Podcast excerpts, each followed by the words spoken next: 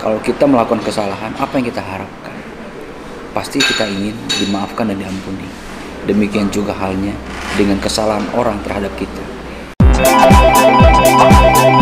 Siji Rono Telu Podcast Laku Maku Oke, eh, hari ini saya mau sharing tentang satu topik yang saya pikir ini menjadi satu pen- eh, satu hal yang penting juga untuk sama-sama kita hidupi yaitu tentang bagaimana kita belajar mengampuni.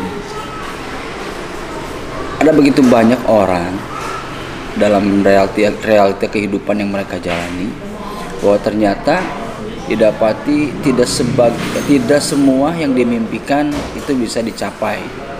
Tidak semua perjalanan hidup yang diharapkan itu bisa dicapai sesuai yang direncanakan.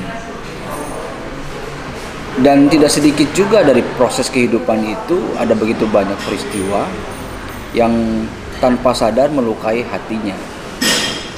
Sehingga apa yang terjadi dengan kehidupan tersebut itu membuat mereka eh, menjalani kehidupan menjadi proses yang tanpa sadar menimbulkan luka di hati mereka.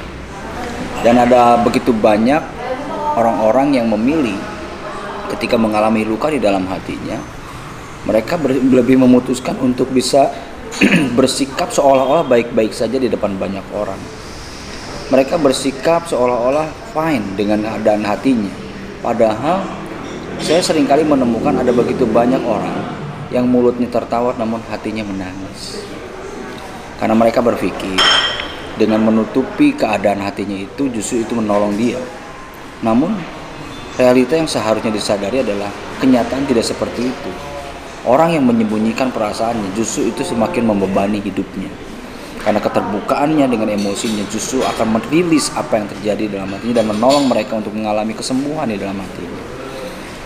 Ada begitu banyak orang yang berpikir bahwa luka di hati itu cukup disimpan saja dan dilupakan. Padahal berbeda antara melupakan dan mengampuni. Melupakan belum tentu selesai. Mungkin nampak tidak terlihat. Namun pada titik tertentu apa yang menjadi luka akan muncul kembali.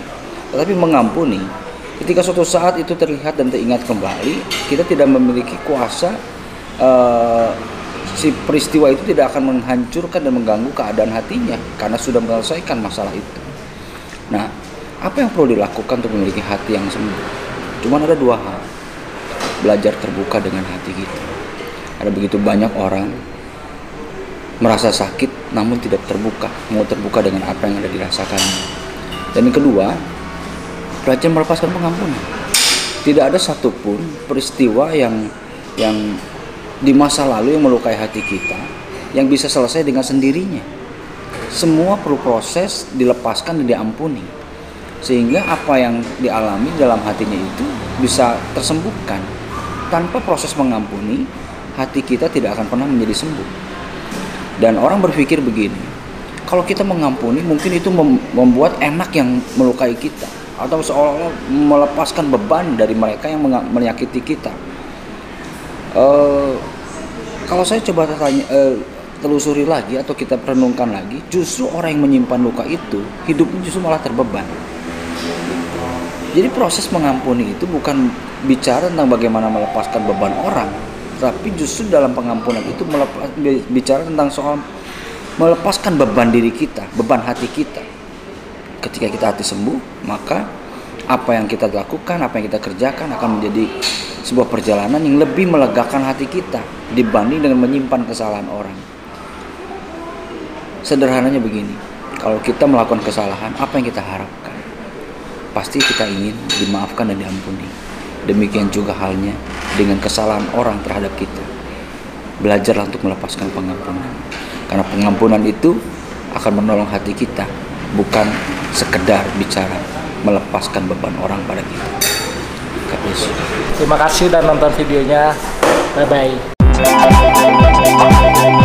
Siji Rono Telu Podcast Steve Laku